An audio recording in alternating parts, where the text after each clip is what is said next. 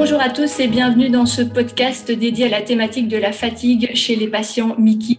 Entouré de mes six invités, nous allons maintenant entamer le module 3 dédié aux causes de la fatigue. Pour commencer ce module sur les causes de la fatigue, je vais d'abord me tourner vers Édouard, notre gastroentérologue, pour avoir plus d'informations concernant les causes de la fatigue et surtout essayer de comprendre si les causes sont les mêmes chez les patients ayant une maladie active, mais on sait aussi que les patients ayant une maladie en rémission sont fatigués et peut-être qu'à ce moment-là, les causes sont différentes. Donc nous aimerions bien avoir votre avis sur ces différentes causes. Effectivement, c'est très important de faire la, différence entre la fatigue qui est liée à une maladie active, parce que dans ce cas-là, c'est un mécanisme de protection. Et je pense que dans ce contexte, il ne faut pas lutter contre la fatigue, il faut être vraiment à l'écoute de son corps et laisser son corps se reposer et ne pas trop chercher euh, mille causes, parce que la maladie active par elle-même est évidemment une cause de fatigue. Euh, lorsque le malade est en rémission et donc lorsque ses symptômes ont disparu ou quasi disparu, c'est à ce moment-là qu'il faut s'inquiéter des causes possibles de la fatigue. Et il y en a plusieurs. Ça peut être simplement la maladie qui reste euh, active à bas bruit. Et cette persistance, avec l'inflammation qu'elle entraîne, peut très bien causer de la fatigue. Et la solution, là, sera plutôt évidemment d'adapter la thérapeutique. Par contre, ça peut être des choses qui sont causées par la maladie elle-même, mais qui ne sont pas directement liées à la maladie. Par exemple, des carences. Donc, il faudra rechercher ces carences. La carence en fer, par exemple, la carence en vitamine B12, la carence en vitamine D. Ce sont des carences très courantes dans ces maladies. On n'a pas de preuves que le traitement de toutes ces carences euh, fait nécessairement évoluer la fatigue, mais il y a une chose, en tout cas chez ces patients qu'il faut absolument rechercher, qui est l'anémie. L'anémie est quelque chose qui est très courant, y compris chez les patients qui sont en rémission de leur maladie. Euh, et là, la correction de l'anémie va avoir un impact majeur sur la fatigue. Ça, c'est les causes que les cliniciens recherchent de façon, je dirais, habituelle. Du point de vue du patient, il y a souvent l'incrimination du traitement lui-même. Et ça, ça peut être un piège et une question difficile parce que certains traitements peuvent entraîner de la fatigue et dans ce cas-là, il faut parfois même envisager un changement de traitement. Mais finalement, le traitement est plus rarement la cause réelle de la fatigue et cela amènerait le patient à arrêter un traitement qui euh, produit beaucoup d'effets très positifs et finalement à avoir alors dans ce cas-là à la fois l'inconvénient d'une fatigue qui ne s'améliore pas et d'une rechute euh, qui s'annonce. Donc je pense que la question du traitement doit absolument être abordée parce que le patient souvent en a la conviction que c'est le, le traitement puisque finalement il va mieux la maladie ne semble plus être là et il ne comprend pas ou elle ne comprend pas pourquoi la fatigue est toujours là. Et ce qui reste, c'est le traitement.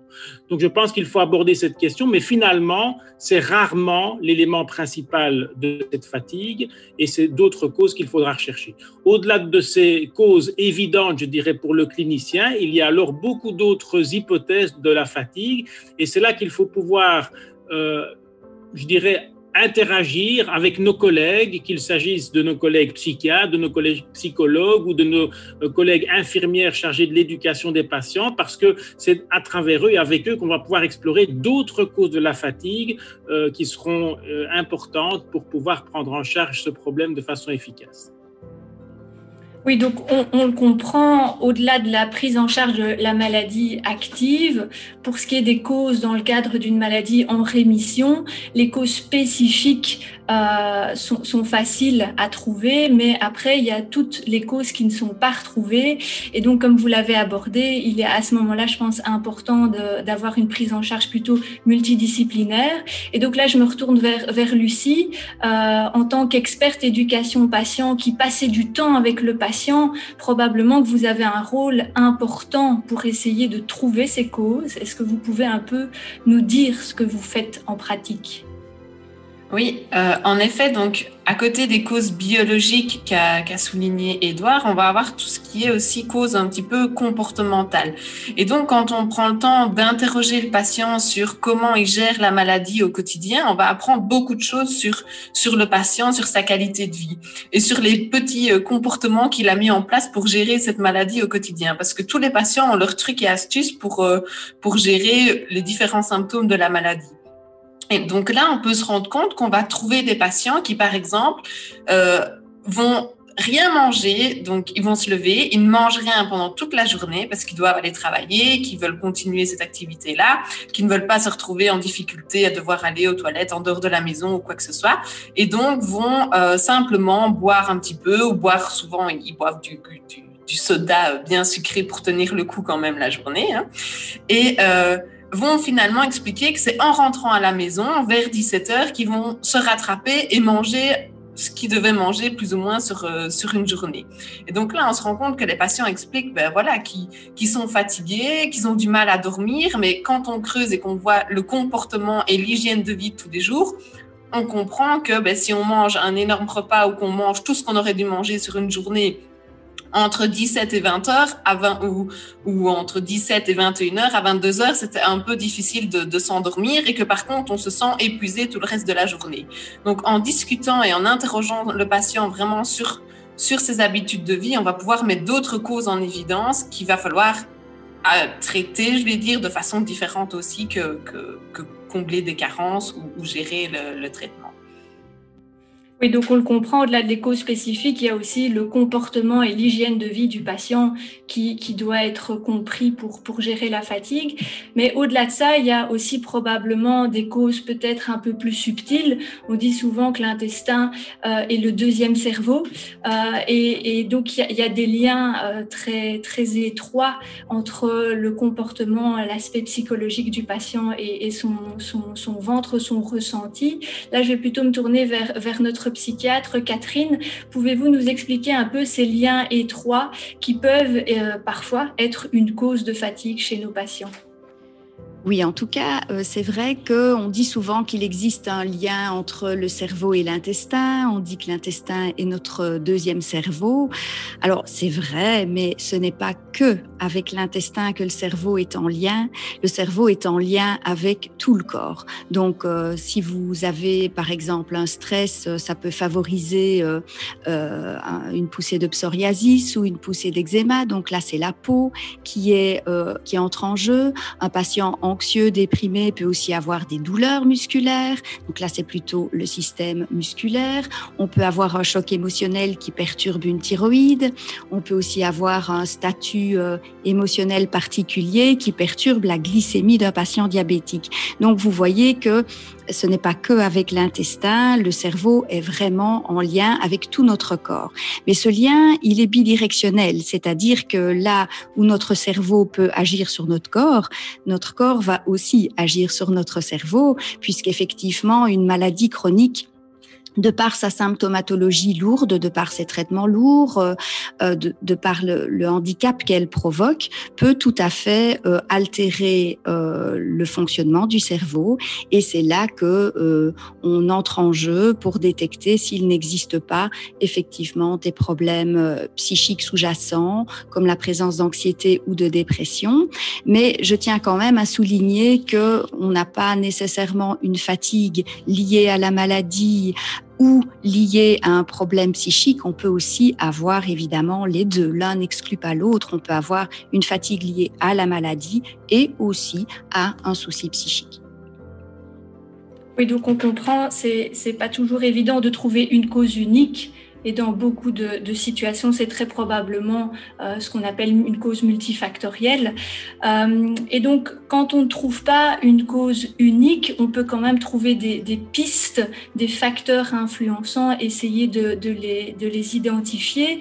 Là, je me tourne vers, vers Laurent. Vous, en tant qu'expert fatigue, euh, comment est-ce que vous pouvez essayer d'aider le patient à comprendre les facteurs qui, qui peuvent influencer euh, cette fatigue?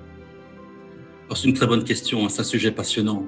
Moi, je suis, je dis toujours, je suis linguiste de formation. Donc, en logique, on parle souvent de, de relations, de double relation cause-conséquence. Ce que je veux dire par là, c'est que souvent, on cherche les causes de la fatigue. Et moi, j'ai tendance à dire que la fatigue est souvent la conséquence de toute une série de déséquilibres. Donc, je renverse un peu le postulat, et c'est mon postulat de départ qui est de dire que la fatigue est la conséquence, en fait, de toute une série de déséquilibres.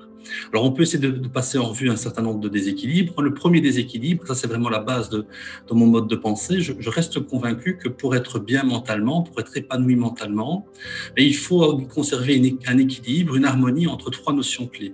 La notion de plaisir, la notion de progrès et la notion d'investissement. Le plaisir, en fait, c'est tout ce qui recharge votre batterie, c'est tout ce qui remplit votre réservoir. Ce sont les petits bonheurs du quotidien, c'est ce qui colore votre vie. Alors, ça peut être un temps avec vos enfants, vos petits-enfants, ça peut être une lecture, la photo, c'est tout, c'est tout ce qui colore votre vie. Le progrès, c'est notre capacité à être en cheminement, notre capacité à envisager finalement le lendemain, à envisager l'avenir. Et je dis, nous sommes tous des Himalayistes, c'est-à-dire qu'on a tous notre Himalaya en tête. Hein, je regarde le plafond, c'est ça, on a tous notre Himalaya en tête, cette montagne qu'on souhaiterait atteindre.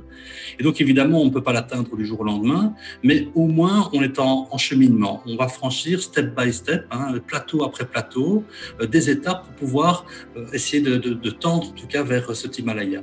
Et puis, en fait, le sentiment d'investissement, cette capacité à pouvoir s'engager, à trouver du sens dans les choses, à trouver de l'utilité, à trouver une mission.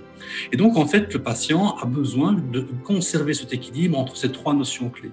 Et vous vous rendrez compte très souvent très très souvent que le patient en fait il a supprimé toute forme de plaisir. Le patient est dans le renoncement par rapport à un certain nombre de projets ou bien il ne trouve plus d'utilité ou de sens aux choses et donc il renonce à toute une série d'activités. Deuxième forme de déséquilibre, ce que j'avais précisé en, en préambule, il y a un déséquilibre également au niveau de ses ressources. C'est-à-dire que moi j'emploie toujours une image, hein, c'est celle du compteur à budget en électricité ben, Vous avez un compteur à budget donc qui vous fournit de l'électricité, mais si vous consommez toute cette électricité en deux ou trois jours, ben, les 26 autres jours, ben, vous n'avez plus d'électricité. Voyez donc, euh, ou alors une autre image, c'est l'image des jetons, les jetons qu'on met dans la machine. On dispose d'un certain nombre de jetons, et si vous utilisez sur la foire tous ces jetons en l'espace de 5 minutes, la dernière suivante, vous n'avez plus de jetons. Et donc chacun dispose d'un certain nombre de jetons, et souvent on utilise ces jetons de manière un peu euh, inappropriée, ou on les consomme excessivement.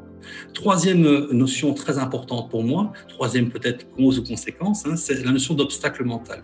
En fait, le patient s'est construit petit à petit des murs des murs qui sont de plus en plus hauts et qui nous empêchent finalement de voir derrière, donc qui nous empêchent finalement d'avancer.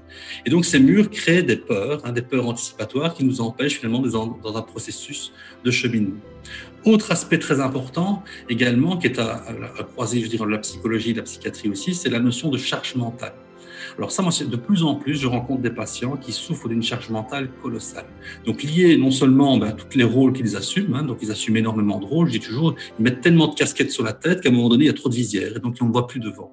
Donc euh, il faut parvenir parfois à, à, remettre des priorités. Mais également la charge mentale qui est liée à trop de pensées. Donc ça, c'est toujours l'image, je vous dis, des embouteillages à Bruxelles. Hein. Donc à un moment donné, il y a trop de pensées qui veulent arriver au même moment, au même endroit. Et donc il y a un goulot d'étranglement et donc ces pensées arrivent à fleur et bon, on ne sait pas comment gérer ses pensées. donc, derrière, c'est un coup psychologique très important. Autre aspect très important également, à mon avis, c'est l'anxiété. Donc, Catherine a très bien parlé tantôt. Je dis toujours, l'anxiété génère l'anxiété. Et donc, le patient, souvent, il a une anxiété par rapport à sa maladie, par rapport aussi à sa vie professionnelle, parfois une anxiété financière, parfois une anxiété aussi tout simplement par rapport à sa vie intime. Et donc, cette anxiété nourrit l'anxiété. Donc, au début, il a pris un petit sentier de montagne, hein, un petit sentier de montagne de berger, et puis ce sentier est devenu un chemin, qui est devenu lui-même une route, qui est devenu une grande route, qui est devenu une autoroute à 3, 5, 7 bandes. Et donc, l'anxiété se nourrit de l'anxiété. Et donc, je toujours que l'anxiété devient problématique quand elle déborde, et comme l'a très bien dit Catherine tout à l'heure, quand elle génère des peurs anticipatoire qui nous immobilise. Et enfin, dernier aspect, à mon avis, sur lequel on peut, qu'on peut pointer, c'est la notion de sommeil. On en a discuté un petit peu. Moi, je trouve que c'est capital de parler de sommeil comme, comme élément en relation étroite avec, euh, avec la fatigue. Je vais donner une image très simple. Euh, quand on a des enfants, souvent ce qu'on fait, c'est qu'on les met euh, coucher, les met à dormir à une heure précise. il y a toujours un rituel. Hein. Donc c'est le rituel, c'est la petite lecture, c'est le bol de lait, on dit au revoir aux parents, hein, bonne nuit aux parents, etc. Et donc on, crée un rituel. Et puis quand on devient adulte, ben, ce rituel n'existe plus.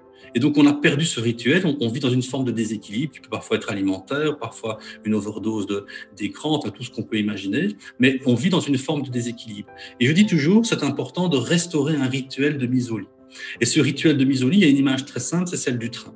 Le train du sommeil, il arrive à une heure précise. Et si vous ne montez pas dans le train, le train de nuit ne repasse pas très souvent. Et donc parfois, il faudra attendre 4-5 heures ou parfois attendre le lendemain pour pouvoir remonter dans ce train. Et ça, c'est vraiment quelque chose d'essentiel, de, percevoir finalement ce, cette ritualisation de la mise au lit. Moi, je suis persuadé qu'en fait, la fatigue est une conséquence essentiellement d'une mauvaise qualité de sommeil et pas nécessairement toujours l'inverse. Enfin, je pense que c'est une double relation, mais la, mais piètre qualité de sommeil entache euh, la fatigue. Et je terminerai sur euh, un dernier élément. Souvent, les patients me disent qu'ils ne parviennent plus à dormir parce qu'il y a une surcharge d'idées. S'endorment avec plein d'idées en tête, plein, plein d'éléments qui reviennent systématiquement. Et il faut apprendre à un moment donné à fermer le livre. Donc fermer le livre des pensées, pouvoir fermer des portes et accepter à un moment donné de se recréer un espace refuge et un temps refuge qui est le lit. ça, c'est vraiment un apprentissage qui nous conduit tout doucement aussi vers des phases d'intervention. Et donc on comprend bien quand on vous écoute que parmi les causes possibles de fatigue, le déséquilibre ou le fait de ne plus être adapté au quotidien entraîne des comportements qui, qui ne sont plus euh, sont plus vraiment en phase avec le, patient malade et c'est ce comportement inadapté euh, qui entraîne un déséquilibre et, et, cette fatigue.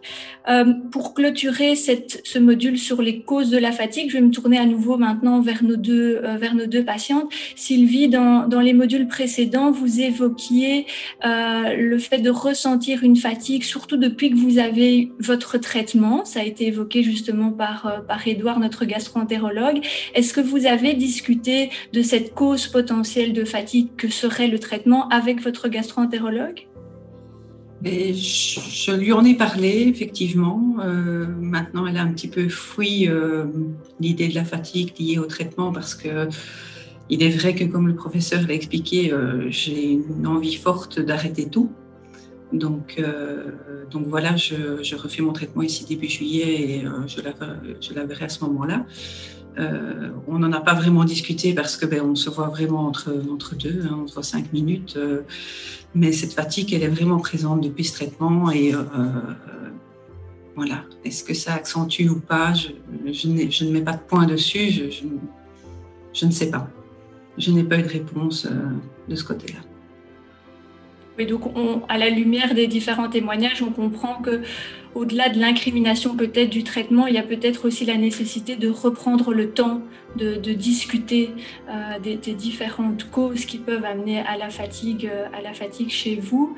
Par rapport à, Juliette, donc vous, vous avez expliqué qu'en fait, vous êtes dans une situation un peu différente puisque votre maladie pour le moment est active. Euh, et donc, je présume que, que dans ce cadre-là, la discussion sur la fatigue ou sur les causes de fatigue ont été moins moins abordé avec votre gastroentérologue référent. Oui, tout à fait. Euh, donc, euh, effectivement, ça n'a pas encore été abordé. Et euh, c'est vrai que j'ai aussi l'impression, en fonction de mes traitements, que la fatigue augmente ou diminue en fonction de la diminution des schémas, etc. Maintenant, je pense qu'actuellement, je suis tellement dans une envie de d'amélioration que là je suis vraiment dans, dans, dans, la fixation de aller mieux au niveau de ma maladie et puis alors après s'occuper euh, du reste entre guillemets la fatigue. Je je pense pas que c'est la bonne manière de faire mais mentalement c'est vraiment euh, c'est vraiment mon but c'est euh, avancer dans ma maladie et puis après on s'occupera du reste. Je mets vraiment tout de côté pour essayer d'avancer en fait oui, on comprend. Merci pour votre témoignage. Donc, ceci est le module 3 concernant les causes de la fatigue. Ce qu'il faut retenir, c'est que d'une part, la fatigue chez les patients ayant une Mickey est tout à fait différente suivant que le patient ait une Mickey active ou une Mickey en rémission. Et le but, évidemment, chez un patient fatigué qui a une Mickey active est de gérer la maladie inflammatoire. La situation est plus complexe, on l'a compris, chez des patients qui sont fatigués et qui ont une Mickey en rémission et dans ce cadre-là, il faut d'abord pouvoir exclure des causes spécifiques amenant à la fatigue. Le docteur Louis a expliqué euh, la possibilité de carence, la possibilité d'anémie. Tout ça sont des causes spécifiques qui doivent être corrigées. Mais malheureusement, ces causes spécifiques ne représentent qu'une petite partie euh, des causes expliquant la fatigue. Après quoi, comme l'a expliqué nos autres experts, il est important d'avoir une discussion pour comprendre l'hygiène de vie du patient, l'hygiène de sommeil, le comportement que le patient adapte au cours de, sa, de son quotidien et peut-être aussi les déséquilibres qui peuvent en résulter et qui peuvent accroître cette fatigue. La fatigue est donc souvent chose de multifactoriel et de complexe à considérer.